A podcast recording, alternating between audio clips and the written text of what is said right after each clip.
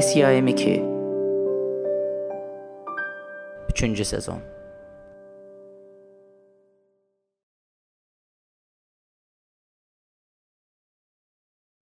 Hə, real. Çoxdandır danışmırıq. Yəqin ki, bir səssizliyimizin arxasında ə, arxasından sonra, daha doğrusu gələn bir ə, buraxılış bunu sığortalayar. Bu qədər ə, susmağımızın da bir ə, nəticəsi olar. Üçüncü sezonu məhz e, fəlsəfə qoyduq adın. E, bütün mövzuların özəyi də fəlsəfə olacaq.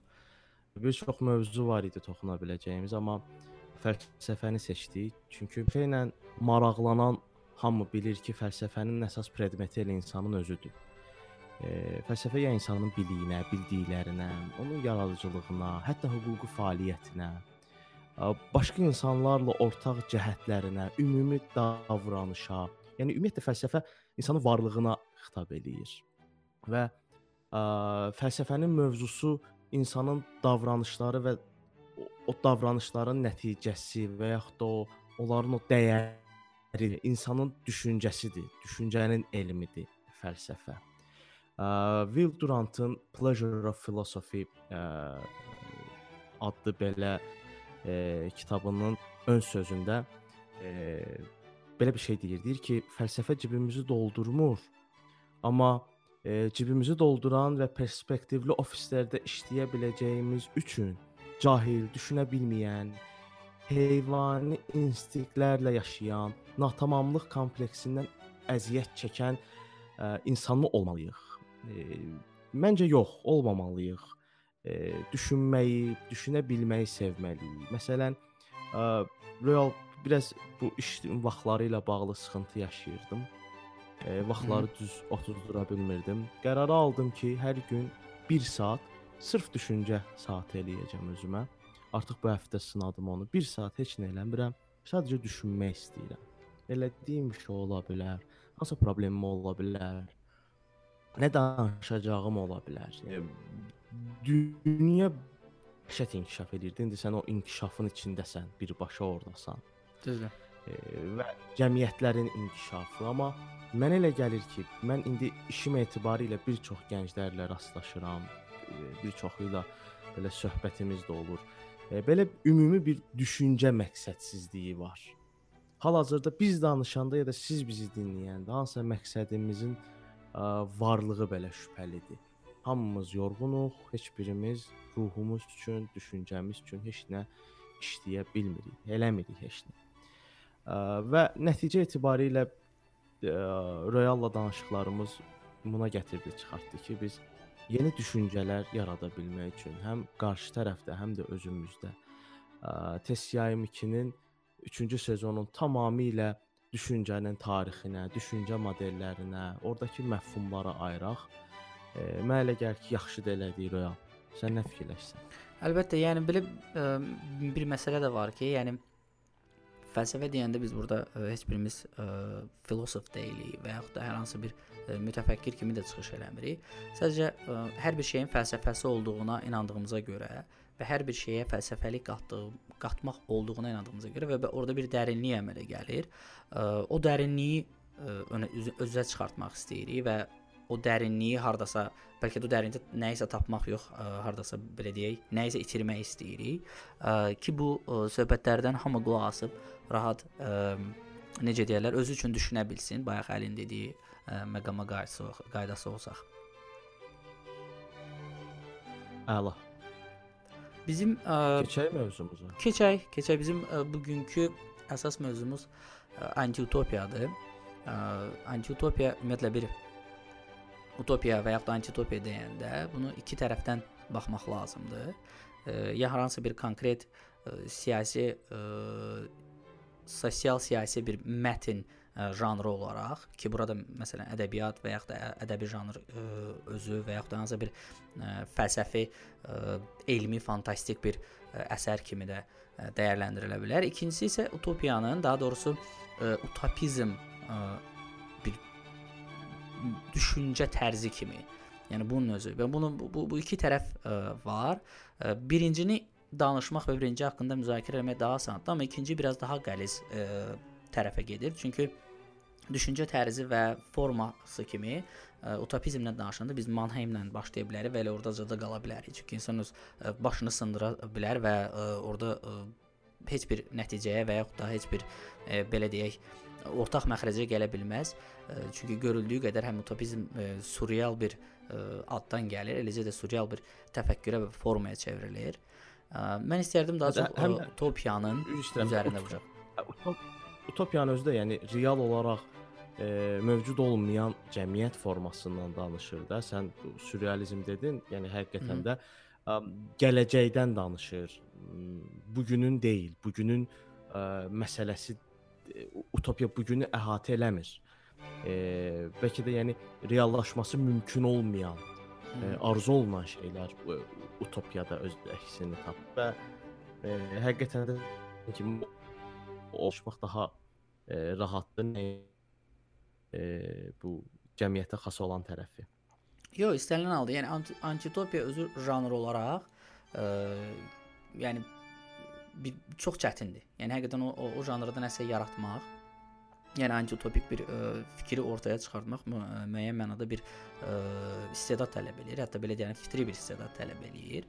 Ə, çünki cari tendensiyaları dərindən təhlil etmək, yəni onun haqqında müəyyən bir tənqidi fikir söyləmək, ə, xüsusilə bunu hansısa bir xüsusi ə, ədəbi və bədii forma ə, dilinə salmaq ə, çox ə, olduqca ə, qəliz və ə, mürəkkəb bir beynin məhsulu olmalıdır. Mən istəyərdim birinci biz ə, utopiyaya gedək və utopiya ümumiyyətlə bir anlayış olaraq necə yaranıb və hardan gəlib? Çünki biz əgər antiutopiyadan danışırıqsa və yaxud da distopiya da deyirik buna, ə, biz əvvəlcə öz məğzinə getməliyik. Ə, çox adam utopiya deyəndə məsələn Thomas More yada salır, amma ə, əslində mən istəyərdim biraz ə, geriyə gedək, daha antik dövrə yəni qədim dövrə, məsələn, qədim Yunanıstana və qədim Yunanıstandan ə, başlayan, yəni ə, bir neçə ə, əsərlər olub ki, həqiqətən də bu ə, demək olar ki, bu janrın ə, əsasını qoyub. Ə, məsələn, Platon yəni ə, Platon ə, Platonun dövlət əsərini xüsusilə götürsək, ə, o dövrdə, yəni ə, Avropada hələ də ə, hansı ayı dərisini geyinib gəzdikləri bir dövrdə belə ə, bizim eramızdan əvvəl söhbət gedir. Baxmayaraq ki, ciddi dövlət strukturları və yaxud da onların arası bir mürəkkəb formaları olmasa belə, yəni Platon o öz dövrünə görə həmin o növbəti cəmiyyət formasının necə yarana biləcəyinə dair müxtəlif nəzəriyyələr vermiş, hətta həll yollarını göstərmişdi də. Yəni bu bu bu, bu xüsusilə dövlət əsərində gözəl izah eləyir və orada müxtəlif ə, öz izahını verərkən müxtəlif ə, kastalara bölür. Həmin quruluşu təsəvvür edir ki, necə olmalıdır. Məsələn, ə, filosofları qoyur ə, daha yuxarı təbəqəyə, ondan sonra ə, orada hərbiçilər olur, sonra ə, başqa hər hansı bir ə, məşğuliyyətlə məşğul olan, ə, yəni müxtəlif peşə sahibləri olur. Ə, burada məsələn onun quruluşunda baxanda görürsən ki, ə, yəni o dövrün beyni üçün 2000 il əvvəl, ə, 2000 il əvvəldən çox olan bir dövrdə yaşayan insan üçün bu qədər mürəkkəb və dəli, e, qəriz, e, qəliz bir e, prosesi analiz eləmək və onu yaratmağa çalışmaq, utopik bir cəmiyyəti yaratmağa çalışmaq nə qədər necə deyirlər, çətin bir iş olsa da, həmin dövrün texnoloji inkişafı olmayan, heç bir belə deyək, proqressiv ə, olmayan bir insanlara ə, deməli fəlsəfə eləməklə, sadəcə danışmaqla, müzakirə eləməklə nələr əldə edə bilərlərmiş. Və əlbəttə daha sonra gəlir, yəni o utopiya sözünün özünü ilk dəfə kəşf edən Thomas More 1516-cı ildə. O, o vaxt 7-ci Henrik Tudorun dövründə o bir çox bir sıra belə deyək, təzadlar görür, problemlər görür İngiltərə cəmiyyətində və öz alternativ cəmiyyətini təqdim eləyir. Bu cəmiyyət də təsadüfən təsadüfən yəni, yəni təsadüf eləyir həmin dövrə ki, müxtəlif araş e, yeni e, kəşflər olur da, yəni yeni kəşflər dövrü olur Avropada. Yəni ə, e, insanlar yeni torpaqlar tapmağa başlayır və insanlar birdən-birə ayılır ki, hə, artıq dünya sadəcə Avropadan və ya da köhnə dünyadan ibarət deyil. Yeni bir ə, dövlətlər var, yeni bir icmalar var, hardasa kimsə yaşayır və o o dövrdə Thomas ə, More belə bir utopik bir ə, dünya yaradır. Daha doğrusu utopiyanın özündən ə, söhbət gedir. Ə, və ilk dəfə orada rast gəlirik. Yəni sözümü nəyə gətirirdim? Bu o, Thomas More-a qədər belə, yəni insanlar bu haqqda düşünür. Ondan sonra daha daha sonra bu Thomas More-un əsəri o qədər məşhur olur ki, Avropada inanılmaz dərəcə çoxlu utopik və yaxud da antiutopik əsərlər yaranmağa başlayır. Yəni məsələn Francis Bacon ilə Benzalem məsələn eyni eyni şeyi götürür. Məsələn utopiyanın ə, olan həmin o strukturu göstərir. Öz qəhrəmanını ə, başqa bir dövlətə salır, dövl ə, bir ölkəyə salır, Benzalem adlı və orada onun ə, necə yaşaya biləcəyini göstərərək müxtəlif çıxış yolları göstərir. Həm siyasi proseslərə, həm iqtisadi proseslərə, ümumiyyətlə cəmiyyətin ə, strukturu olaraq necə formalaşmasına dair və antiutopiya anlayışı isə, yəni ondan hardasa 300 il sonra hardasa 1000 19 18-ci əsrin, yəni əvvəllərində də belə deyək. Və ən ən asan nümunəsi isə bunun, hətta bizim bizə belə ə, qəribə gəlsə də Jonathan Swift'in Gulliver'in macəraları məsələn. Çoxumuz bunu çox yaxşı tanıyırıq bu əsəri və orada da əslində bir ə, həm utopik, həm də antiutopik bir ə, cəmiyyət formalaşır. Yəni onun daha, daha doğrusu göstərmək istədiyi. Əslində o nəyi göstərir? E, müasir e, dövrün cəmiyyətin e, ən pis cəhətlərini, ən belə e, xoşa gəlməz, özünə görə xoşa gəlməz bir məqamlarını şişirdərək e, bir belə e, allegoriya formasına salaraq e, qəhrəmanının e, hekayəsi formasına salır. Mən istəyərdim ə, başqa bir əsəri də qeyd edeyim. Əslində ə, bu haqqda da mən inanıram ki, ə, sən də Əli bizə ə, çox yaxşı məlumat verə bilərsən. Ə, ə, Nizaminin İskəndərnamə əsəri, məsələn, o əsərin ə, ən böyük ə, üstünlüklərindən belə deyək, biri odur ki, ə, yəni İskəndərnamə əslində ə, Nizaminin ə, hansısa bir ə, şaha və yaxud da qəhrəmana yazdığı tərifnamədən də əlavə onun gördüyü cəmiyyətdə, yəni Nizaminin öz dövr, öz cəmiyyətində, həmin dövrdə, Nizami dövründə müasirlərinin ə, yaşadığı və bildiyimiz kimi də Nizami ə, şahlarla, hansısa bir məsələn Atabəylər dövləti ilə və s. beləxir bunlarla çox güclü əlaqədə olduğuna görə ə, o o təxminən ə, o ə, belə bir mesaj ötürmək istəyirdi öz ə, yəni öz əlaqəsi olan adamları ki, bəs belə bir cəmiyyət ola bilər. Yəni insanlar əslində yaxşılığı, ə, yəni məsud və bəxtiyar belə deyirsə, yaşaya bilər və ə, o o formada göstərirdi və İskəndərin dili ilə və onun başına gələn hadisələrlə ə, izah eləməyə çalışırdı. Yəni bu balaca hə, bir qısa bir hə, tarixi idi. Ə, belə deyək, ə, utopiyanın və antitopiya ə, anlayışlarının əmələ gəlməsi ə, tarixi idi. Onda əlbəttə Anton Doni var. Onun İtaliyada yaratdığı ə, ə, ağıllı və ə, belə deyək, ə, savadsız və yaxud da ə, yəni ağılsız, ağıllı və ağılsız insanların da hə belə səfeh insanların dünyası adlı əsəri var. Ə, ondan sonra Etienne ə, Gabriel Marelli var. 1984.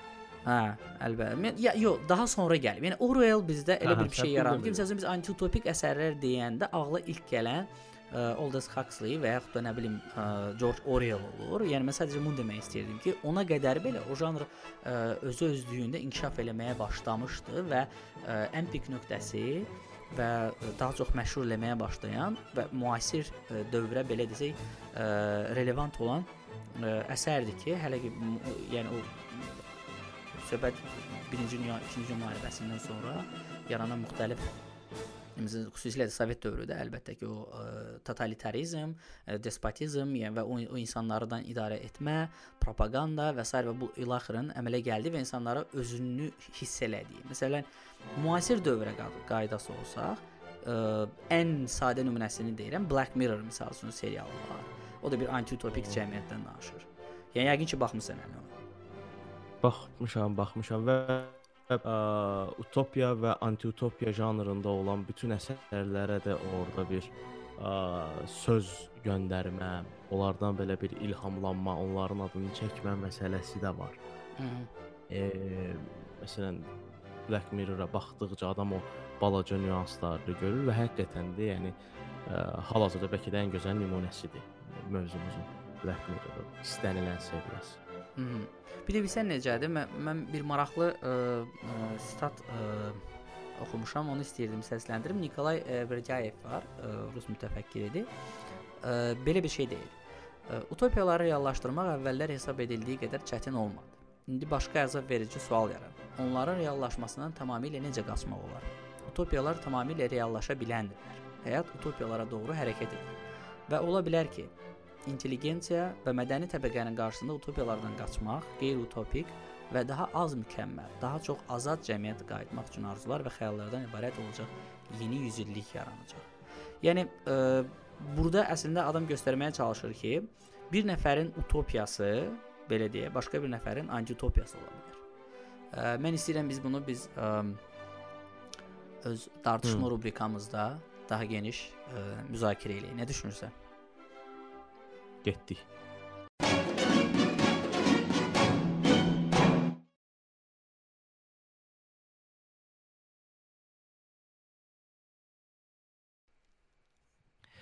Deməli bu utopiya ilə anti-utopiyanın e, eyniləşməsi və yaxud da e, bir-birinin iç-içə olmağı ya da baxış bucağından e, asılı olmağı ilə bağlı e, çox maraqlı belə faktlar var.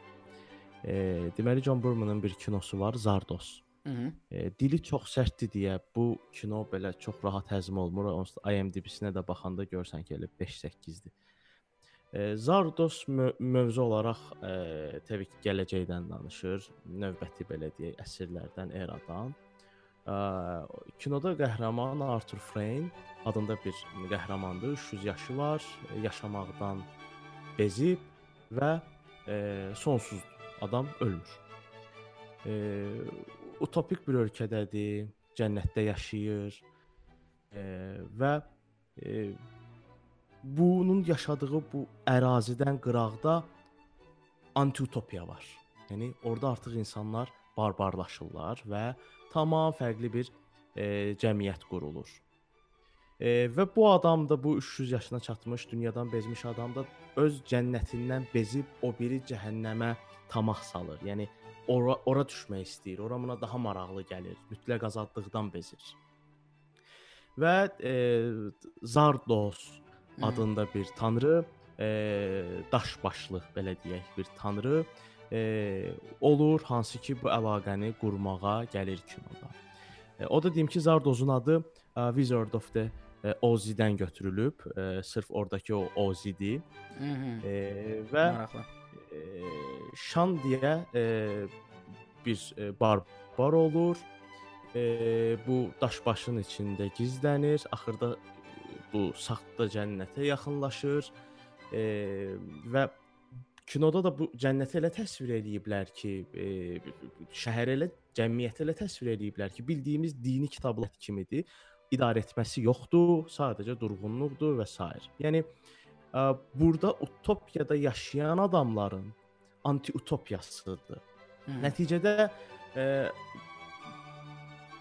yəni bu dəst xəttinlə baxıb utopiyanın özü bir mərhələ deyil əslində. Sadəcə bir sonluqdur. Yəni məsələ bilsən nədir? Yəni utopiya ə, utopiyanın özündə və... belə potensial olaraq ə, antitopiya dayanır. Yəni Hı -hı. təsəvvür elə ki, belə belə götürək də, ə, bu dəqiqə Rusiyanın özündə ə, Stalini göbutda çıxsa Allahlaşdıran adamlar var və istəyirlər ki, təzədən onun heykəllərini qoysunlar, onu ə, millətin lideri adlandırırlar, yəni ə, e, vojd adlandırırlar da. Yəni ə, e, o insanı hələ də ə, e, baxmayaraq ki, milyonlarla öz öz adamlarını qırıb, ə, yəni didərgin qoyub, yenə də ona qarşı bir ə, rəğbətlə, ona qarşı bir hisslə, xüsusi bir hörmətlə yanaşırlar. Eləcə də məsələn Sovet dövründə totalitar bir ölkədə, o ölkədə ki, ə, insanların ən primitiv sadə azadlıqları, insan hüquqları və bunların onları dəstəkləyən bütün qurumlar heç biri dəstəklənmirdi, qorunmurdu, heç biri heç bir formada yəni rahat değildi insanlar. Buna baxmayaraq insanlar hələ də o cəmiyyəti istəyir. Yəni Azərbaycanın özündə belə ə, düzdür bir çox hallarda ə, savadı o qədər də olmayan insanlar, belə deyək də, yəni tam dərk eləməyən, sistemin dərinliklərini başa düşməyən, nə qədər totalitar bir rejimdə yaşadığını ə, anlamayan insanlar çox vaxt o ə, ifadələri işlədir, amma kifayət qədər belə ə, sosialist ə, düşüncəsi olan və ə, dünya görüşü olan savadlı insanlardan belə bu fikri eşitmişəm ki, yəni Sovet dövrü ideal olub, belə olub, ə, o dövr qayıtmalı idi və s. və ilaxır. Bu da öz özlüyündə maraqlı bir şey yaradır. Məsələn, hər hansı bir ə, o intelligensiya üçün, hər hansı bir o ə, savadlı, yəni o aydın insanların ə, necə ki bütün ə, Azərbaycanda həmin o dövrlərdə 1930-cu illərdə ə, soyqırımı gedirdi. Eləcə də hər yerdə, yəni 15 ölkə daxilində bunlara qarşı bir ə, fikirləşən, proqressiv olan insanlara, yəni demokratik dəyərləri, insan hüquqlarını və ümumiyyətlə ə, düşüncəni və proqressivizmi, proqressivizmi ə, dəstəkləyən insanlara qarşı necə soyqırım gedirdisə, yəni o o o o hər yerdə gedirdi o. Və o insanlar ə, üçün əgər bu distopiya idisə, ə, indiki dövrdə yaşayan və kifayət qədər savadlı olan, elə həmin dövründə özündə də belə yaşayan və sosializm uğrunda, qırmızı ə, znamiya uğrunda ölməyə çalışan insanlar var idi. Deməli onların utopiyası idi. Kamboçyanın Pol Pot adında bu lideri var idi. Aha. O fransızların Parisdə təhsil alıb gəlib qırmışdı da millətin. Bu adam Ay sağ ol. a, bütün təhsilli və oxuma yazma bilən adamları öldürüb, yığıb o faşistlər kimi. Hı. Hətta deyib ki, Yorda ən gülməli məqam bilsən nə idi? Yəni onlar ə, ağların, ağların ə, ə, belə deyək, zülmündən qurtulmaq istəyirdi. Ə, və nəticədə özləri Afrikalıların ə, özü hakimiyyətə gələndə onlardan da qəddar olmağa başlayıbdı. Yəni belə bəli. hə. Bir də məsələn bu ə, Asimovun robot seriyasında seriyasından olan kitablarda Hı -hı. Ə, məsələn orada da bu utopiya, anti-utopiya keçidləri var. Məsələn orada yenə bir ə, utopik təsvir var ki, hər şey robotlar eləyir, hər şeyi, xəstəliklər yoxdur, kosmik cəmiyyətlər ə, kosmik cəmiyyətlərdə distopiyadan danışır. Utopiyadan ora keçir. O çox maraqlı məqamdır. Məsələn, elmi ömürlüdürlər. -hı. Bəli, bəli, robotların nəzarətində yaşayırlar. Həbsxana rejimidir. Yəni belə baxanda, amma adamlar bunu dəyişmək istəmir. Çünki o utopiyanın sonluğuna e, gəlib çatıblar və adamlar bəşəriyyəti e, başqa planetlərə və yaxud da başqa yerlərə e, köçdürmək istəmir. Keçən dəfə çox qəşəng bir şey oxudum bu utopiyanın əhəmiyyəti ilə bağlı e, bu e, elmi fantastik janr üçün. Deyir ki, bətin kimidir. E, utopiya Hı -hı. o e, müdafiədə olduğu mühitdən ə, çıxmağa, doğulmağa, e, doğulmaq istəyir utopiyadan. Həm də ə, o utopiyanın reallığı ilə üzləşəndə güclənir və mübarizə aparmağa məcburdur istər-istəməz. E, öz utopiyasının içində. Hı -hı. Məsələn bu Hı -hı. hə hə buyur. Deməli bu insan ə, azadlığının ə, əhəmiyyətini, yəni bunu xatırladan o əsərlər var. Yəni elmin əxlaqi yönlərinin metamorfozu olsun.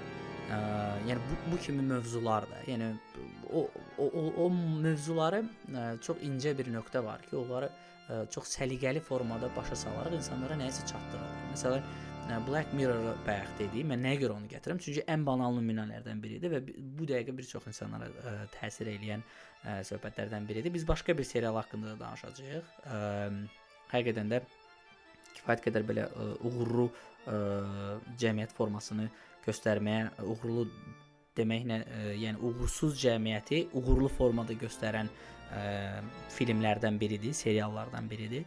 O haqqda da danışacağıq ayrıca. Yəni nəyi demək istəyirəm? O o xırda ə, bir məsələ var da. Yəni ə, biz bu haqqda tez ə, Yamin ikinci sezonda da danışmışdıq, robotlar məsələsi və s. Yəni bəlkə bu mənim ə, utopiyamdır. Yəni bəlkə mən bu bu cəmiyyətdə özümü daha rahat hiss edirəm. Ümumiyyətlə bir insanın ə, bədbəxtliyi başqa bir insanın xoşbəxtliyi olur da. Yəni bir çox mövzularda. Yəni anti-utopiya ilə utopiyanın ə, yəni ən kobud formada götürsək, ə, mənfi, müsbət, inyan, yəni bu formadadır. Bədbəxtlik, xoşbəxtlik, yaxşılıq, pislik.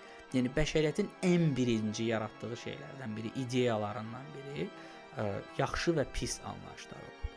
Həm ə, dinlərin fundamentalında bu dayanır, fundamentində bu dayanır. Nə yaxşıdır, nə pisdir. Ə, həm ə, dövlət idarə etmələrində, ə, yəni dövlətin ə, idarə edici, ə, yəni o ideyasında əsasında nə durur? Bunu eləmək olmaz, bunu eləmək olar. Ə, bu yaxşıdır, bu pisdir. Məktəblərdə bizə bunu öyrədirlər. Bu yaxşıdır, bu pisdir. Ə, nə düzdür, nə səhvdir. Ə, nəyi demək olar, nəyi demək olmaz. Ə, nəyi danışmaq olar, nəyi danışmaq olmaz və s. və ilaxır. Ə, başqa bir maraqlı məqama burdan çıxmaq istəyirəm. Ə, məsələn, ə, bir neçə diktatorun adını çəkəcəm. və bizim onlara ümumiyyətlə dünyada onlara qarşı olan ə, mənfi və müsbət ə, reaksiyalardan danışaq da. Lap qədimə getmək istəmirəm də. Yəni əgər biz ə, qədim dövrdən danışaq olsaq, bütün şahlar və ə, krallar, knyazlar və s. və lar bunların hamısı müəyyən mənada diktator olub ə, və tarixdə qalanları həm əzazi formada olanlar qalıb, həm xalqını istəyənlər. Amma 19-cu əsrdən bu yana götürək. Daha doğrusu 20-ci əsrdən bu yana götürək. Məsələn, Atatürk var. Winston Churchill var ə, və Adolf Hitler var. Bu üç obrazın ə, böləsi olsaq, biri Atatürkdür ə, ki, demirəm 100% adam, ə, ə, amma 99 ə, faiz ə, bu insanı hələ də, yəni ə, rəğbətlə qarşılayırlar. Hələ də bu insanın ə, doğru bir şey olduğunu, doğru bir şey elədiyinə inanırlar və yaxşı olduğunu inanırlar. Winston Churchill var, çox mirinamalı, qarşılma, qarşılanmayan adamdır. Ə, və kimsə yaxşı deyir, kimsə pis deyir, kimsə tərifləyir, kimsə tərifləmir. Eləcə də Stalini də məsəl üçün o kateqoriyaya hardasa qatmaq olar ki, mən bununla tamamilə razılaşmıram. Ə, kifayət qədər mənfi obraz olub və ə, əli qana batmış adamlardan biridir. Ki onu 3-cü adama, yəni Adolf Hitlerin yanına qoymaq olar ki, mənfi obraz olaraq qəbul olunur və ə, insanlara pislik elədiyini olur. Və bu ə, üçü də ə, totalitar rejim Üçü də hardasa öz utopiyasını yaratmağa çalışmış insanlardır. Amma nəticə etibarilə tarixdən bu qədər keçəndən sonra biz ona baxanda tamamilə başqa qiymət veririk. Yəni deməli, hardasa bizim ə, utopiya və distopiya anlayışlarımız bir-birinə o qədər qarışıb ki, buradakı o qəlizlikdə, o qədər o sıxlıqda, xüsusilə müasir dövrdə bu qədər e, məlumatın, bu qədər e, belə deyək, informasiyanın olduğu bir dövrdə mümkün deyil sən oradan başa düşəsən ki, nə düzdür, nə səhvdir. Və qınamaq da olarmı? Yəni sual budur. Sən nə düşünürsən? Məsəl üçün ə, kimsə əgər ə, nə qədər belə kobud da çıxsa, belə deyim də, kimsə əgər Atatürkə pis adam kimi baxırsa və Adolf Hitlerə yaxşı adam kimi baxırsa, bu bu cizgi hardadır? Bu nə düzdür? Yəni bu, bu hardan bilirik bu yaxşıdır yoxsa pisdir? Məncə çox yenə də yanaşma ilə əlaqəli deyəm. E, bu Cambridge ədəbiyyat e, təhqiqatları institutunun belə bir deyim, e, orada da müasir belə deyək, dünya ilə bağlı. Orada deyirdi ki, ə, sən bir adama terrorist deyirsən, amma başqa bir millət ona azadlıq döyüşçüsü deyir. Hı -hı. Və sadəcə bu arqument belə bir insanın utopiyasının başqasının anti-utopiyası olduğunu Hı -hı. E, isbat edir. Məsələn, bax sırf Atatürklə bağlı da, yəni ə, mənim üçün sevdiyim 3 şəxsiyyət varsa bir Atatürkdür. E, adama qarşı e, heyranlığımın həddi-hududu yoxdur. E, mən niyə bəzi yerlərdə məsələn o tək adamlılığı ilə razılaşmıram, o, o, o sözlərlə razılaşmıram. E, məsələn Atatürkün a, keçən dəfə müharibə ilə bağlı e, bir statını oxudum. E, deyir ki, e, bir saniyə bax tapacam. Elə əlimin altındaydı. Deyir ki, e, mən hansısa səbəbə görə milləti e, müharibəyə soxmaq tərəfdarı deyiləm. Müharibə ancaq çox-çox çətin şəraitdə həyati təhlükəmiz olanda olmalıdır. Əgər bir xalq e, xalqa qarşı ölüm öləcək bir məsələ varsa, mən onları müharibəyə aparıramsa, onda mən vicdan əzabı çəkmərəm. Amma başqa səbəblərdən onları müharibəyə soxsam, vicdan əzabı çəkərəm. Və mən heç vaxt müharibəyə öldürəcəm deyə girmirəm, ölməyəcəm deyə gedirəm. Əgər bir sənin silahının gülləsi mənə mənə dəymirsə, amma mən müharibə başlayıramsa, bu artıq müharibə yox, cinayətdir. Yəni bu sözü demiş adamı e, mən təbii ki, Stalinlə e, eyni tərəzinin gözünə qoya bilmirəm. E, nəticə etibarilə adama qarşı, yəni mənim kimi düşünən milyonlarla adam var da, yəni adam ingilisləri dənizə töküb, amma ingilislər yenə də o qədər tarixçilər, tarixşünaslar var ki, Atatürkə heyrandılar. Məncə yenə də şəxsdə başlayır, şəxsdə bitir. Yəni Yunanlılar sevmir Atatürkü və yaxud da Türkiyədəki bir çox dindar insanlar sevmir Atatürkü. Yenə də ə, baxış bucağıdır da yəqin ki. Yox, elə deyil. Yox, əlbəttə düz, düzdür. Yəni orada ə, baxış bucağından çox şey asılıdır. Ə, bayaqdan fikirləşirəm, yadan sala bilmirəm. Bir film var idi, ə, Türkiyədə çəkilmişdi. Ə, sərhəd məsələsi ilə bağlı. Atatürkün qərarı Hə, ilə hə, hə. sərhəd bölünür, var da Şener Şən oynayır, yanılmıramsa orada, sonra başqa Çox iki nəfər qəşəngdir də oynayır. Hə, yəni o Cem hardasa Yılmaz da var orada. Hə, Cem Yılmaz da olmalıdır. Mən filmin adı yadıma düşmür. Radioda radiodan danışır, televizor gətirir iki dəfə kəndə. Ayso, ya o, o tam o yad o o hissəsi yadımda deyil. Yox, məsələ nədədir? Orada sərhəd məsələsi olur. Ə, qardaşım Mhm. biri bu birisi tərəfdə qalır, biri bu- birisi tərəfdə qalır. Eyni Kürd olur deyəsən ikisi də. Biri Suriyada qalır, biri elə bir ki, ə, Türkiyədə ərazisində olur. Sadəcə orada ə, kimsə xətt çəkib deyə. Çox belə maraqlı, tragikomik Kontele, bir Kontele. Hə, ə, yox, Vizyon Tele deyil. Vizyon Tele deyil. Çünki Vizyon Tele başqa bir əsərdir. Bu ə, Türkiyənin cənubunda ə, hansısa belə Kürd ə, kəndində baş verən belə ə, bir utopik belə deyək də, anti-utopik bəlkə də bir ə, bir şeydir və necə ki tutaq ki Atatürkün bütün qərarlarının ə, qıs kiçik kəndlərə, ondan sonra bütün o ə, ən xırda, ən ucqar yerlərinə necə təsir elədiyini göstərir. Ə, onu mütləq ə, tapıb hardasa ə, şərh hissəsinə əlavə eləyəcəm. Ə, indi yadıma sala bilmirəm adını, amma Niyəsə orada məsəl üçün ona baxdıqca sən başa düşürsən ki, ə, yəni təbii ki, millət üçün böyük görüb və o danılmaz bir fakt olaraq mən də bunu qəbul edirəm. Amma diktator olubmu? Məncə bunda danmaq olmaz. Çünki adam ə, tək hakimiyyəti ələ alıbsa, bir totalitarizm varsa ortada, ə, söhbət ə, əzazilliyindən getmir. Yəni total ə, kontroldan söhbət, total nəzarətdən söhbət gedir. Ə, ki bu da olub. Yəni istər-istəməz adam hərbiçi olub və hərbi qaydalarla idarə elədiyinə görə Amma Hə. şərait məsələsi də var da o dövrdə bəlkə də. Yox, mən, yəni bizə necə biz tərəfini saxlaya bilərik, ə, tərəfini saxlamaya bilərik. Fakt Hı -hı. olaraq ə, bu gün Atatürk kimi bir adam olsaydı, ə, hər hansı bir dövlətin başında, ə, yəni bu avtomatik olaraq totalitar bir rejim sayılacaqdı. Yəni sonrakı ilk onun etaplarından Türkiyə ütopiyası- Cümhuriyyətinin söhbət gedir. Yəni Bəli, söhbət bəli, ə, yəni 30-cu illərin sonundan və yaxud da Atatürk Atatürkdən sonrakı dövrdən getmir ki, o dövrdə də bəzi problemlər yəqin ki olub. Yəni bundan söhbət gedir. Hı, hı. Yəni Ha, bu dediyim kimi, yəni Star- qaydası olsaq mövzumuza Star Trek-in seri bir seriyası var. Bu -hı. ə, ekipaj bu cənnət kimi bir də planetə düşür. Aha. Ə, Heç kim yenə utopiyadır, heç kim xəstələnmir. Hamı eyni tempdə yaşayır və bunların Allahı bir dənə daş heykəldir, robot. Və bunun bircə şərti var.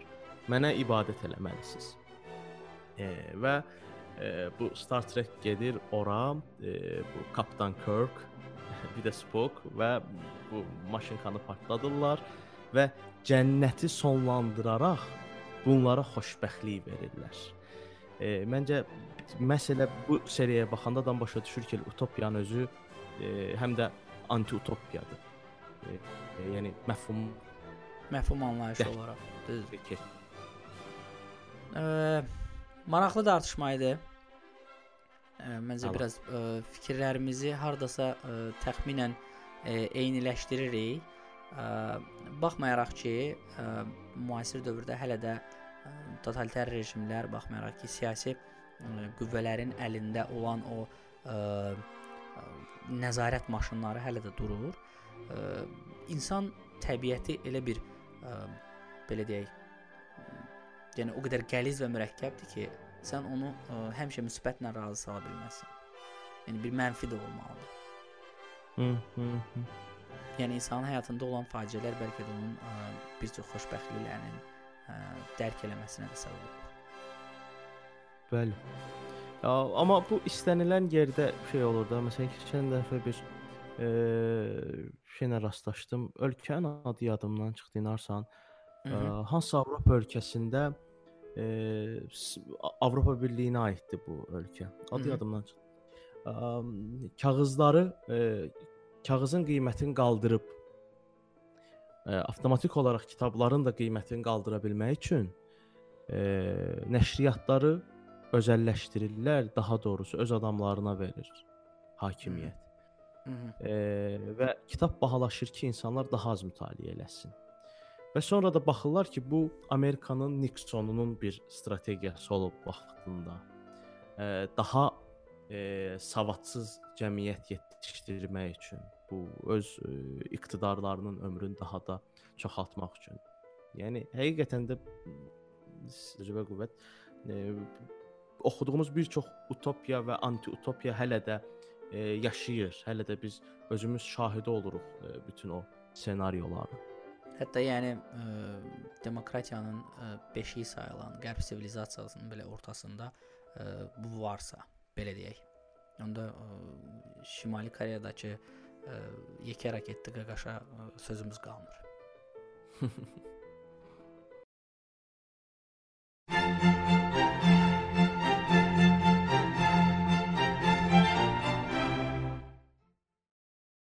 Mary Shelley əslində Frankenstein qəhrəmanını yaradanda yeni bir insan yaradırdı, yeni bir insan növü yaradırdı. E, yazıçılar kimi rejissorlar da e, yeni bir insan, yeni bir irq, yeni bir şəhər, ölkə e, tipi, modeli yaratmaqdan çox xoşları gəlir. Məsələn, e, diqqət eləmisiniz yəqin ki, utopik kinolarda hamı bir-biri ilə dostdur, təmizdir şəhərlər, bütün binalar təmizdir, genişdir, göy üzü daha çox mavidir istidir, qış deyil. Həmişə günəş çox parıldayır, hamı xoşbəxtdir, hamı xoşbəxtlik içində yaşayır və işə gedib gəlirlər. Və niyə də həmişə işə gedirlər? İşdə xoşbəxt olacağımız o elə oralardan yetişdirilir. Anti-utopik ə, kinolarda isə, dünyalarda isə ə, hər yer qaranlıqdır, günəş parıldamır, göy üzü belə sıxıcıdır, binalar yıxılıb. Ə, məncə ə, yaxşı misallardan biri elə I am Legend, mən əfsanəyəm kinosu ola bilərdi. Anti-utopik bir dünyada keçir. Hər tərəf yıxılıb e, və e, kinonun ümumi ab-havası qaranlıqdır. E, real yaxşı serial tövsiyə elə baxaq bu janrlarda. Ə, yaxşı serial mənim ən mənə təsir eləyən, daha doğrusu mən ə, gördüyüm son dövrlərdə mənə həqiqətən təsir edən, nəyi ilə təsir edən, detallarına qədər işlənmiş bir serial var. Handmaid's Tale, Hulu-nun orijinal buraxdığı seriallardan biridir. Bu Mad Men-dəki qız oynayır hə bunu? Bəli, Mad Men-dəki qız oynayır və qulluqçunun hekayəsi də belə gedir. Adı hmm. yenə antiutopik bir dünyadır gələcəkdə ə, e, qadınların ə, e, yəni reproduktivliyi belə deyək, yəni ə, e, doğma ə, qabiliyyətləri itir, ə, uşaq ə, olmur, uşaq olma ə, azalır. Ə, yəni o ə, demoqrafik bir ə, böhran yaşanır.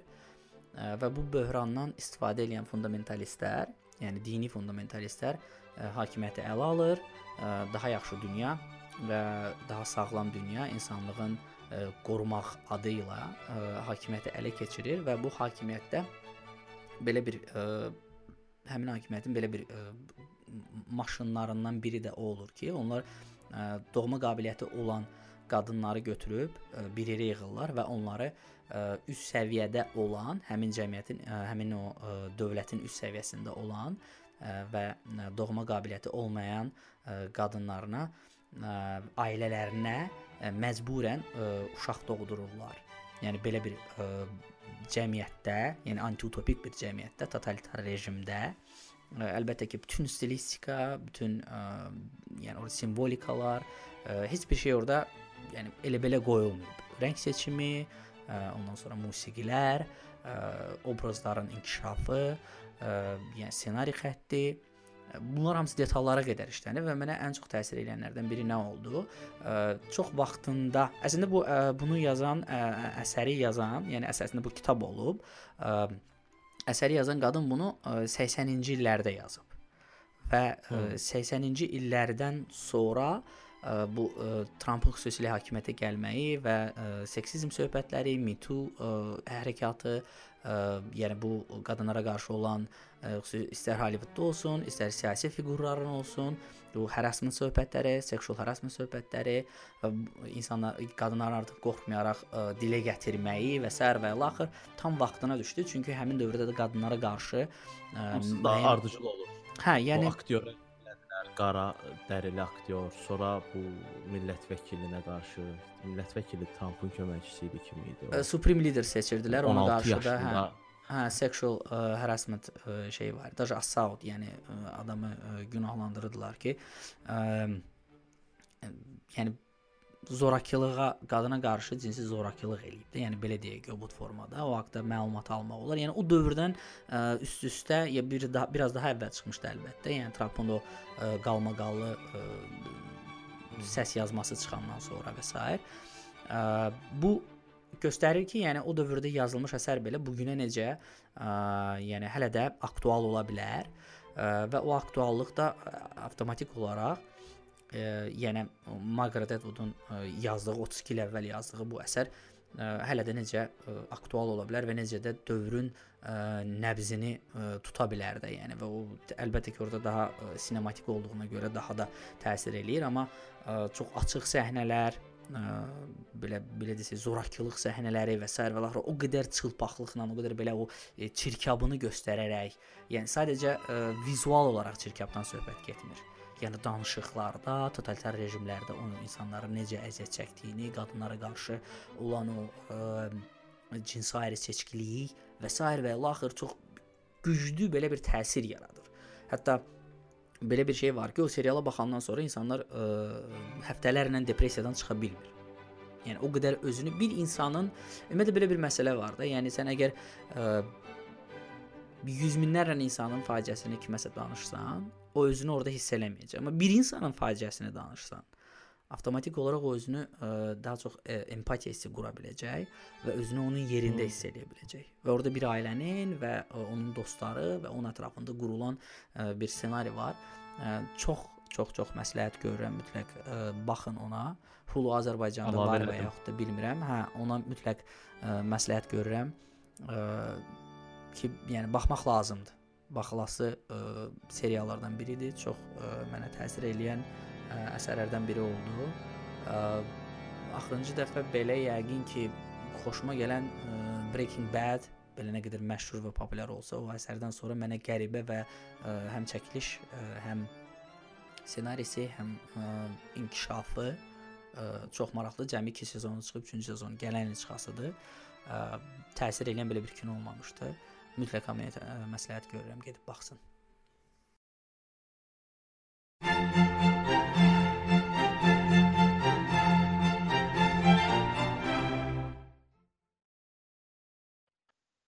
O gün bir xatirə yazısı oxuyuram.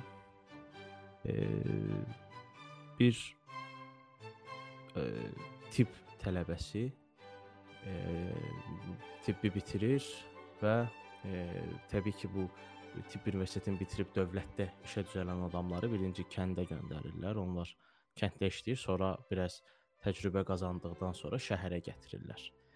E, Adam kənddə işləyirmiş, Tehranın yaxınlığında bir kənddə e, bir qadın qaçır qarşısına, deyir ki, e, həkim, xahiş edirəm, tez gəl, atam ölür. İkisi dururlar bir yerdə gedirlər. Adam deyir ki, sonradan bu adamın öz dilindən danışırlar ki, deyir içəri girəndə evdə gördüm ki, evdə heç bir əşya qalmayıb, atası kravatından başqa. Kasıbdılar deyə bütün bu dərman, tibbi məsrəfləri, evdəki əşyaları sataraq ödəyib qadın. Xəstəni biraz belə yoxlayıb, müayinə eləyib, ə, belə bir kağıza dərmanları yazıb verib, deyib ki, bəs filan kəsin yanına get dərmanı al, de ki, mən göndərmişəm ki, pul almasın. Xatirəni yazan qadın deyir ki, evə qayıdanda gördüm ki, ə, oturub atamın başı üstündə onun əlindən tutub hönkürtü ilə ağlayır. Deyir, iş o yerə gəldi çatdı ki, adamın çiynindən vururam ki, narahat olma, Allah böyükdür, sağaldacaq. Nə həkimi başlayır çiynindən vurmağa. Aa, və sonra adam özü yenə öz dilindən deyir ki, həmin gecə başa düşdüm ki, mən aa, Məhəmməd Hüseyn Bəhcət olmağa gəlməmişdim bu dünyaya. Mən gəlmişdim ki, Üstad Şəhriyar olum. Azərbaycan şeirinin Üstad Şəhriyarı. Bunu oxuyanda belə tüklərim biz-biz durmuşdu ki, həqiqətən də insanın ə, öz sevdiyi işlə məşğul olmaq, öz ə, özünü dünyaya borclu hiss etməyi çox vacib məsələdir. Bu E, Tapduk Emrenin idi deyəsən. Bir dəfə də demişdim bunu test yayımda ki, ə, dünyanın sənə dünyanın sənə borclu olduğunu düşünsən, heç vaxt ə, onun əzabı qoymazsan, xoşbəxt olasan ya da rahat olasan, belə deyək. Xoşbəxtlik çox da belə düzgün söz deyil o cümlə üçün, amma rahat ola bilmərsən sən. Həqiqətən də Elə xoşbəxtliyin özü də Yəni mən onunla da razıyam ki, yəni bizə necədir? Xoşbəxtliyi böyük şeylərdə axtarmaq lazım deyil. Əslində ə, kiçik, xırda və bizə çox vaxt mənasız gələn məqamlardır. Bizi davamlı olaraq beynimizdə ə, o rahatlığı yaradan, o ə, necə deyirlər? Yəni tam ə, özünü sakit, belə öz ə, komfort zonanda hiss elədiyin, özünü belə ə, tam mən rahatam, mənə yaxşıdır dediyin ə, bu məsələlər hamısı kiçik xırda şeylərdən olur. Yəni qətiyyən böyük ə, böyük məqsədlər böyük ə, nailiyyətlərə gətirib çıxardır, amma bizi xoşbəxt edən onlar olmur. Bizi o nailiyyətlərin hamısı birdən-birə qazanmır. Heç kim birdən-birə ə, böyük uğur əldə eləmir. Xırda uğurlardır bizi ə, davamlı olaraq motivasiya edən. Çünki böyük nailiyyəti qazanandan sonra ə, o qədər də o həzz hissini yaşamırsan. Yəni ona getdiyinə ritmi işlə doğru. məşğul olan bir ə, insan kimi də məsələn ə, yəqin ki elədiyinə bu Hı hı. kommersiya xarakteri daşısa da elədiyin işlərin bir çoxu. Yəni sən məsələn billboard dizayn edirsən və yaxud da application dizayn edirsən. Hı -hı. Üçün. Ə, kommersiya xarakteri olsa da yenə də ə, elədiyin işdə özünü xoşbəxt hiss edirsən. Yox, istənilən halda, ha, istənilən halda bizə belə bir məsələ. Mamaların yeməyinin dadlı olmağının da səbəbi odur. 100%. Mamalar bizə yemək bişər bişirəndə oğluma yemək bişirirəm deyə bişirirdilər və ona görə dadlı idi yemək. Ya da sadəcə amma- öyrəşdiyimiz daddır ona görə. bəli, amma mən o biraz da dadlı olduğunu inanıram. Yəni o, o, o ruhun olduğuna inanıram. Yəni yeməklərdə. ə, Michelin ulduzu olan ə, hansısa restoranda yesən belə onun yerini vermir. hə.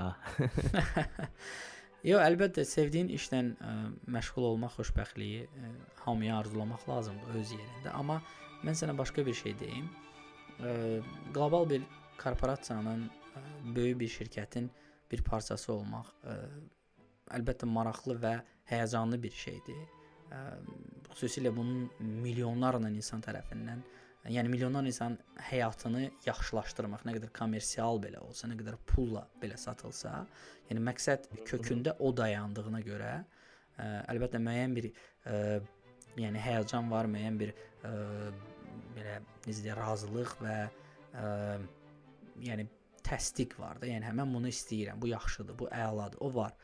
Amma məsələn mənim zövq aldığım ə, işlər və mənim zövq aldığım layihələr ə, qətiyyən necə deyirlər onu, yəni hansısa ə, biznesə və yaxud da pul qazandığım ə, işə yox, ə, daha çox zövq aldığım işlərdir. Məsələn, test yayımdan olsun, ə, olsun Sən hansısa bir metal özündə də, yəni sən orada Əlbəttə. heç bir yəni yəni o, maddi o, o qarşılığın yox idi. Amma olsa belə, olsa belə o məsələnin ə, belə bir şey tərəfi var da. Yəni bu ə, filantropiya da deyil, bu hansısa bir ə, necə deyirlər, yəni o mən bundan zövq alıram, ona görə eləyirəm ki, ə, mənim ə, öz egomu doydurum, belə deyək, məsələsi də deyil. Sadəcə o proses var. Məsələn, biz bu bu dəqiqə bu verilişi yazırıq, mən bu prosesdən zövq alıram. Mən yadıma gəlmir axırıncı biz öz öz verilişimizə nə vaxt qulaq asmışam, heç yadıma gəlmir. Yəni mən ona dəfələrlə qulaq asım, baxış sayına baxım ki, nə qədər olub, uğur qazanmağına necəsə özümü köklüyüm ki, "A, bu uğur qazansın, uğur qazansın. O yoxdur. Yəni prosesin özü ləzzət eləsin. İstər ə, indi Bilmirəm. gördüyüm iş olsun, istər hansısa bir böyük şirkət üçün, istər hansısa bir ə, öz şirkətim üçün. Yəni məsələ burada ə, gördüyün işdən, gördüyün prosesdən zövq almaqdır mənim üçün.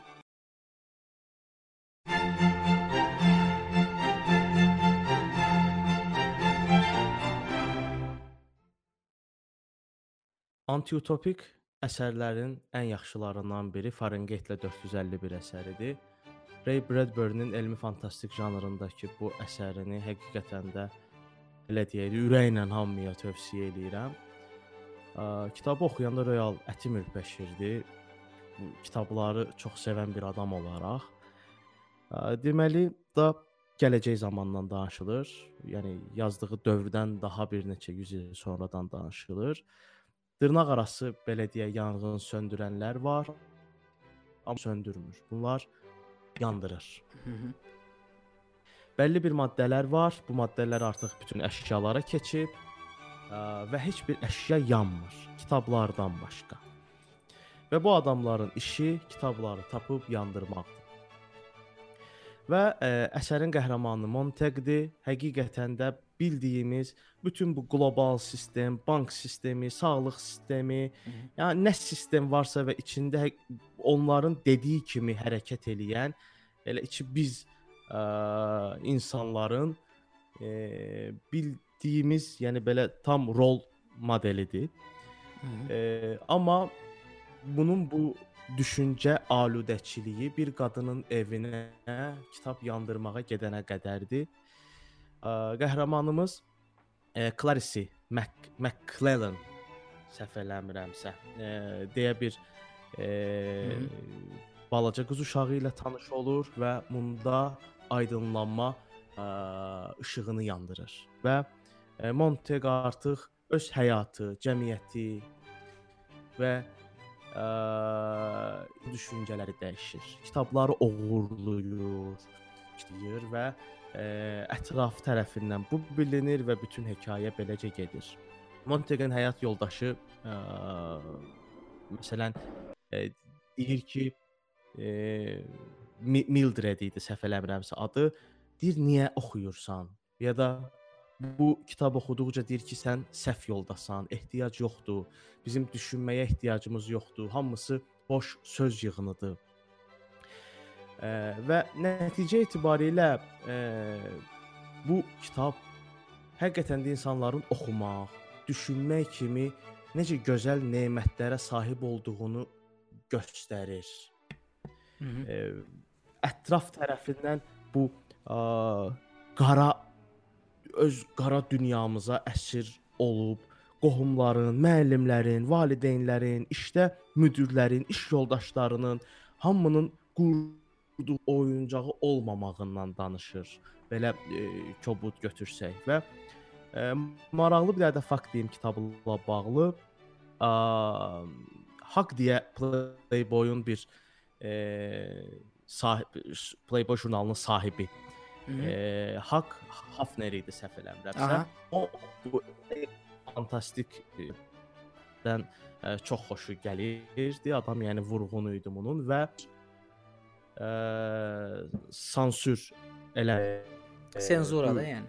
kitabı senzura eləmədən, daha doğrusu senzuraya məruz qoymadan bu kitabı Playboy jurnalında dərc eləyir və bu Hı. kitabın bu qədər məşhurlaşmağının da e, əsas səbəbi məhz Playboy jurnalında e, dərc olunmağıdır. Əslində yəni o Playboy oxuyanlar o qədər də ə, oxumağa görə baxmır da ora.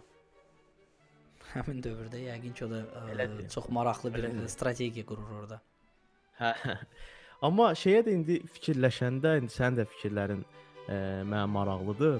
Hı. Mənə elə gəlir ki, e, kompüter və yaxud da internet bizim hal-hazırdakı cəmiyyətin və yaxud da dünyanın problemi kimi görmürəm mən onu. Məncə ə, kitabın özünün belə qarşısındakı ən böyük problem ə, mobil telefondur. İnsanların davamlı olaraq öz xoşbəxtliklərini göstərdikləri Instagram tipli şeylərdir. Məsələn, sən mənim Instagramıma baxsan, mənim ancaq xoşbəxt anlarımı görəcəksən. Yəni Hı. sən Instagramıma baxan adam elə bilər ki, sən bütün gün divarın qabağında durmusan. Yəni biz orada ə, foto və video olaraq ən yaxşılarımızı göstəririk. Hı -hı. Ə, üç adamda Türkiyədə TV8-də 3 adamda emoji oyunu var idi. E, sonra belə bir yerdə yazı gördüm ki, mixi yazı, hieroqliflər, alfabetlər, sonra ə, növbəti əsr emojilərdir. Mən də paylaşmışdım onu. Eramızdan əvvəl 2000, sonra da eramızın Bəli. 2000-ci. Düzdür. Yəni bilsən necədir? Məsələ orada ə, ya başqa bir ə, məqama toxunmaq istəyirəm. Ə, hazırda klassik kitab ə, sevənlər, yəni oxucular da belə deyək, iki hissəyə bölünüb. Biri kitabın qoxusunu xoşlayan, kitabı vərəqləməyi, kitabı ə, özündə saxlamağı, ondan sonra vərəqlərini qatlamağı və onu hiss eləməyi, o hissi ə, fundamentalistləri də belə deyək var hansı ki kitabı vərəqdən oxumağı xoşlayır. Yəni əsəri. Yəni artıq elektron kitab ə, e, tam kitab saymamaq olar. Ə, e, elə adamlar da var ki, sadəcə onu hansısa bir Amazon Kindle-dan oxuyur və yaxud öz telefonundan oxuyur və yaxud da ə, e, audio kitablar oxuyur ki, mən məsəl üçün audio kitablara son vaxtlar daha çox qulaq asıram. Nəinki kitabdan oxuyuram da, yəni əsərin özünü. DJ yəni, Tural da çox qulaq asır. Hə. audio kitablar. Yəni mənə ə, o nəyə görə olur? Yəni eyni proses, o qədər sürətli bir dövrdə yaşayırıq ki, yəni hal-hazırda sənin ə, kitab oxuyanda paralel olaraq başqa bir iş görmə ə, yoxdur. Yəni elə bir vaxtın yoxdur da belə deyək. Əslində tapmaq olar, hər şeyə vaxt tapmaq olar. Sadəcə o prosesdə sən həm də boş qalmamaq istəyirsən. Necə ki belə bir podkastlara qulaq asırlar, eləcə də kitaba qulaq asırlar. Yəni kitaba baxırlar. Daha doğrusu baxırlar deyəndə qulaq asırlar da, hə. Necə başlayır? Yəni bu ə, sürətli yaşamaq həqiqətən də çox ciddi bir problemdir. Yavaş yaşamaq istəyirəm mən. Bizin o yavaş yavaş yaşamaq, yavaş, yavaş yaşamaq istəyirəm. dövrü bilsən nə vaxt bitdi Əli? O insan ki təkəri kəşf elədi, o təkər başlandı fırlanmağa. Ondan sonra onu saxlamaq mümkün deyil. O sürətlə gəlir oradan təkəri kimsə birinci dəfə o daşı fırladı, gördü ki, bu fırlana bilir. O başladı o təkəri yaratdı. O təkər yararından sonra o başlayan elmi texniki inkişafın qarşısını heç kim ala bilməz. Yəni mümkün deyil. Amma fəaliyyət olaraq özümüz yavaş yaşaya bilərik də. Əlbəttə yaşaya bilərik. Utopik bir cəmiyyət düzəldə bilərik. Orda ə, interneti qadağan eləyə bilərik. Necə ki, hazırda elə bir ə, xırda cəmiyyətlər var da. Məsələn, ə, əmişlər var burada, ə, Amerikada. Ə, onlar ə, belə deyək də ənənəvi ə, hardasa demək istəmirəm, hətta 18-ci əsr, no 19-cu əsr və s. və laxır bunlardan, yəni onlarda işıq yoxdur, elektrikdən demək olar ki, istifadə eləmirlər.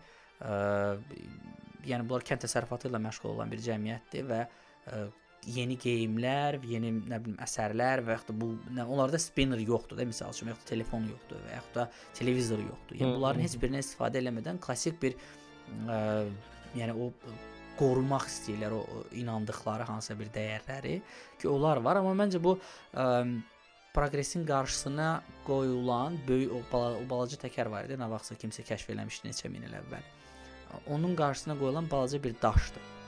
Bu artıq böyük bir maşına çevrilib. Maşına sən daşla elə təsəvvür elə ki, sən ə, tankın qarşısına ə, balaca nizə ilə getmək istəyirsən və onun ə, qarşısını almağa çalışırsan. O... Sadəcə bir sən nə düşünürəm, bu uşaq vaxtı həyətdə otururduq, əlimizdə də topumuz, nə oynamaq istəyirdik, nə heç nə istəmirdik, sakit otururduq, heç nə eləmirdik.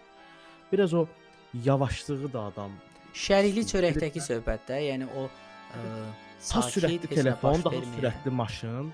Hı -hı.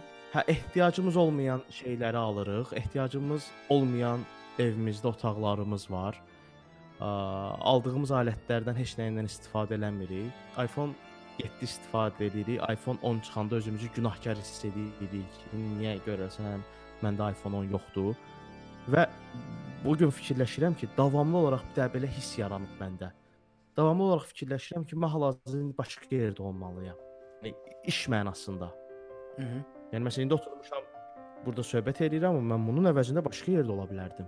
Başqa daha ə, məhsuldar ola bilərdim. Və bu beyin və fiziki olaraq dəhşət yorur və nəticə etibarilə xoşbəxt ola bilmirik. Biraz daha çox məncə söhbət eləmək lazımdır. Biraz daha çox bir-birimizlə vaxt keçirtmək lazımdır.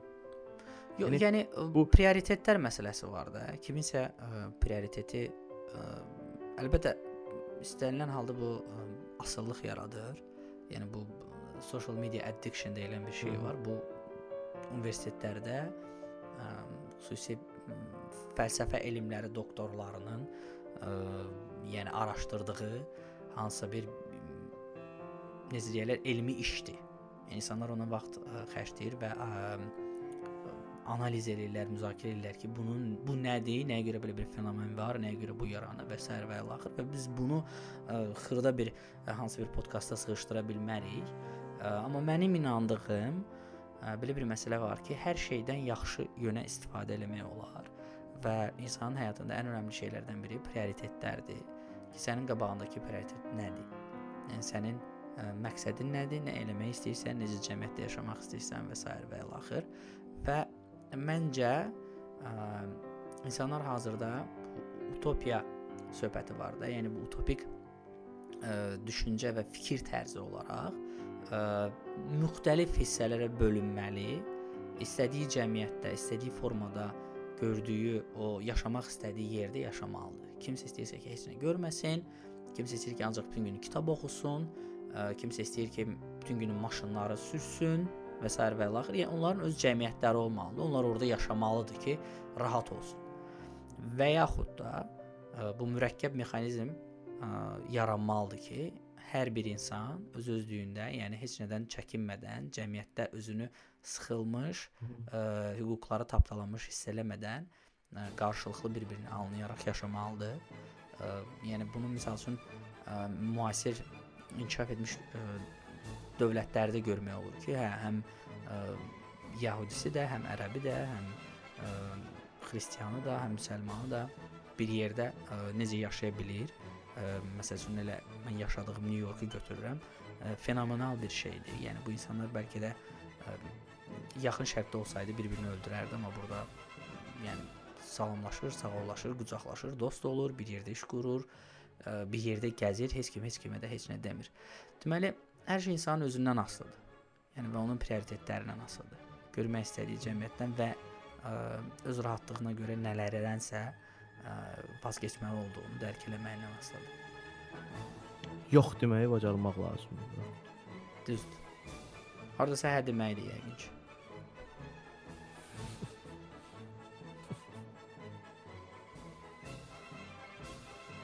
TSYM 2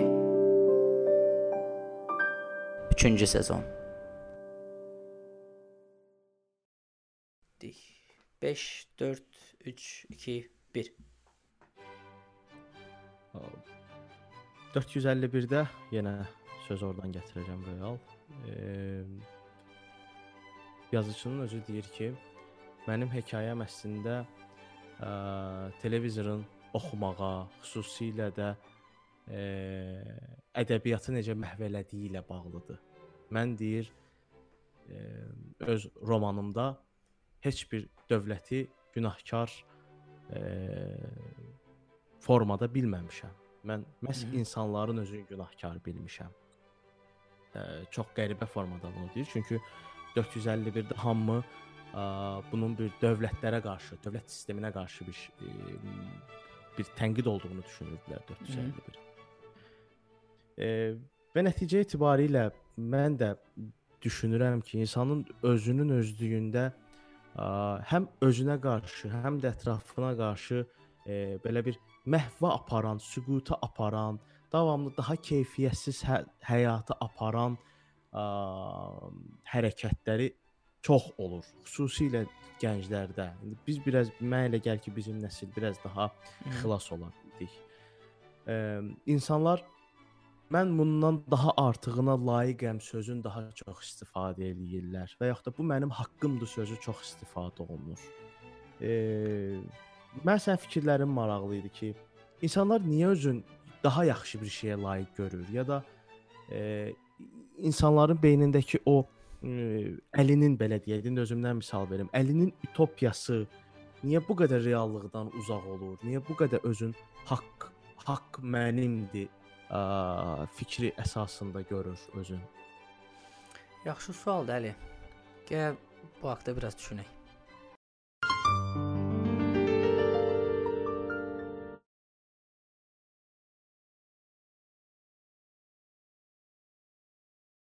Deyir, bulmuşam həqqi, ənəl haqq söylərəm. Haqq mənəm, haqq məndədir, haqq söylərəm. Gör bu əsrarı nə müğləq söylərəm. Sadiqəm qövlümdə, səddəq söylərəm.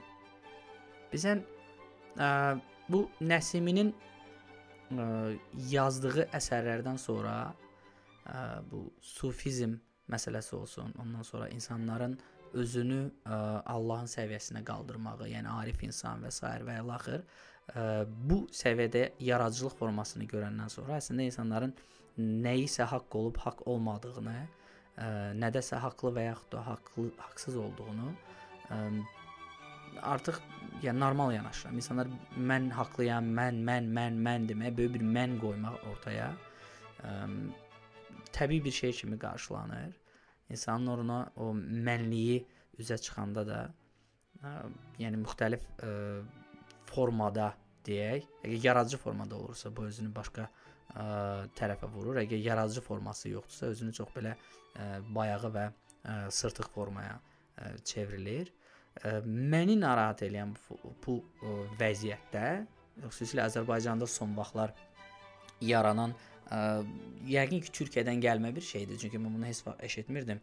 Ə, o haqqımdır, haqqımdır. Yəni mən layiqəm məsələsi. Yəni mənim bu mənimdir, bu mənim ə, hüququmdur filan fesməkan və bunu çox ə, lazımsız kontekstlərdə istifadə eləmək söhbəti var da. Kimsə ə, nə bilim paylaşır, like haqqımdır, məsəl üçün. Məni like eləyin və s. və ilaxır. Lazım olmayan yerlərdə haqqını tələb etməyən insanların ə, lazım ə, sız vəziyyətlərdə, lazımsız ə, belə deyək, epizodlarda ə, özünü gülünc formada nəyisə ə, tələb eləməsi ə, mənə çox gülməli gəlir ə, mənə çox qəribə gəlir ə, və mənə elə gəlir ki, insan nəyisə ə, layiq olmaqdan, ə, nəyisə ə, haqq qazanmaqdan əvvəl ə, birinci fikirləşməlidir ki, mən ona ə, mənim ona haqqım çatır ya yox. Nə kiməsə nəyisə ə, etiraz eləməmişdən əvvəl, kimdənsə nəyisə tələb eləməmişdən əvvəl. Yəni bu bu məsələlərdə ə, insanların dərin düşünmə qabiliyyəti sanki. Yəni insanlar olur belə ə, e, kiçik xırda şeyləri ə, e, böyüdüb ə, e, haqq səviyyəsinə çatdırmaq. Bu mənə qəribə gəlir. Yəni sən təsəvvür elə ki, sənin illər boyu haqqın tapdalanır, ə, çox böyük formada. Sən illər boyu ə, ən adi, yəni insan hüquqların belə tapdalanırsan, səs çıxartmırsan, amma ə, xırda ə, lazımsız şeylərə gələndə ə, nə bilim ə, burada 20 qəpik yerdə qalıb o mənim haqqım idi və s. və axır deməyin ə, nə qədər kompleksdə olduğun, ə, nə qədər ə, əzilliyin əslində ə, faktını üzə çıxarır. Ə, bu da mənə biraz qıcıqlandırıcı gəlir. Əslində ə, gəlməməlidir bəlkə də. Ə, çünki kiçik insanlar kiçik şeylərin ə, haqq davasını eləyir. Yəqin ki, böyük insanlar da böyük insanlığı və böyük şeylərin haqqını ə, tələb eləyir. Ə, mən bu, bu haqqda bunu düşünürəm ə, və haqq məsələsinə gələndə də, layiq olmaq məsələsinə gələndə də ə, burada yenə də mövzumuza birbaşa bağlasa olsaq, istər ə, utopik cəmiyyətləri olsun, utopik əsərlərdəki qəhrəmanlar olsun, istər antitopik qəhrəmanlar ə, əsərdəki qəhrəmanlar olsun, bunların hər birində biz görürük ki, əslində insanlar öz haqqını seçmir. Yəni ə, yaradılan o xoşbəxt dünyada belə onlar yaratmayıb. Onlara verilib ki, sən buna layiqsən. Yəni sən pisə layiq deyilsən. Pis cəmiyyətlərdə, yəni antitopik cəmiyyətlərdə isə onlara deyilir ki, sən buna buna layiqsən. Bu sənin üçün yaxşıdır, mən səndən yaxşı bilirəm. Məsələn, George Orwell 1984-də elə deyilən o söz ki, ə, müharibə azadlıqdır. Ə, azadlıq ə, isə ə, qul, köləlikdir. Yəni bu bu bu göstərir ki, yəni ə, bayaq yəni toxunduğumuz məsələlərdən biri insan beyni nə qədər kompleks və nə qədər mürəkkəb və nə qədər ə, eyni zamanda nə qədər bəsit ola bilər. Bəli. Yəni ailəm 1984 dedin. E, biz bu yayın 1984 romanını hədiyyə eləyəcəyik. Səhifədən paylaşım eləyəcəyik bununla bağlı, qaliblə bağlı. Həmin romanda çox qəşəng bir stat var.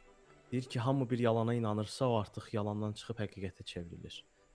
E, həqiqətən də e, birisi tərəfindən davamlı olaraq e, izlənilmə, səni kimisə davamlı təqdir eləməyi etibarilə həqiqətini dəyişə bilər. Sən ə, ona bir güc kimi baxıb öz individuallığını pozursan, ə, artıq individual olmursan, bütün o səni izləyənlərlə, səni o tərifləyən, sənə haqqındır deyən adamlarla birləşirsən və yenə də başlayıb sürü halına gəlirsən. Yenə də ə, o Nietzsche-nin Ubermenşindən o ə, fövqəli insanından çıxmış olursan nəticə etibarilə. Düzdür. Ə, bilirsən, başqa bir məqama da toxunmaq istəyirdim. Ə, bu haqq məsələsinə yenə qaydası olsaq da, ə, bu yəni nəyin haqq olub olmadığına ə, yenə də özün qərar verirsən. Yenə də özün qərar verməli olursan. Ə, yəni məsəl üçün Nəsimini ə, dərisinin soyulmağının səbəblərindən biri o idi ki, yəni insan özünə ənəlhəq demişdi. Yəni o deyirdi ki, mən zəmanəmi mənsuriyəm, çünki ənəlhəqəm. Yəni ə, amma adamın əslində bütöv fəlsəfəsinin arxasında duran ə, məqam o idi ki, yəni ancaq Allah tək mən deyiləm də, ümumən insan Allahdır. Yəni orada o öz fərd olaraq özündən ə, danışmırdı. Yəni bütün insanlığın ə, bir yəni arif olan insanın ə, əslində Allahla eyni səviyyədə olduğunu göstərirdi və bunu çox gözəl, ə, dərin, ə, yəni o hurufi ə, şeirləri ilə ə, izah eləyirdi. Yəni deyir ki, mən insanı Allah saydığım üçün mənsur olmuşam. Yəni insanın ə, zəif olmadığını, əslində bütün insanların kölə olmamalı olduğunu göstərirdi. Sadəcə hansı haqqı tələb elədiyi və nəticəsi nə olduğunu və illər sonra ona verilən dəyər nə olduğunu yenə özü qərar verdi. Yəni çalışın başqaları sizin yerinizə qərar verməsin, çalışın başqaları sizin ə, haqqınızı müəyyən eləməsin. Doğru şeylərə görə haqqınızı tələb eləyin, doğru şeylərə görə ə, haqqımdır sözümü ə, ifa istifadə eləyin. Mən belə deyərdim. TSIM 2 3-cü sezon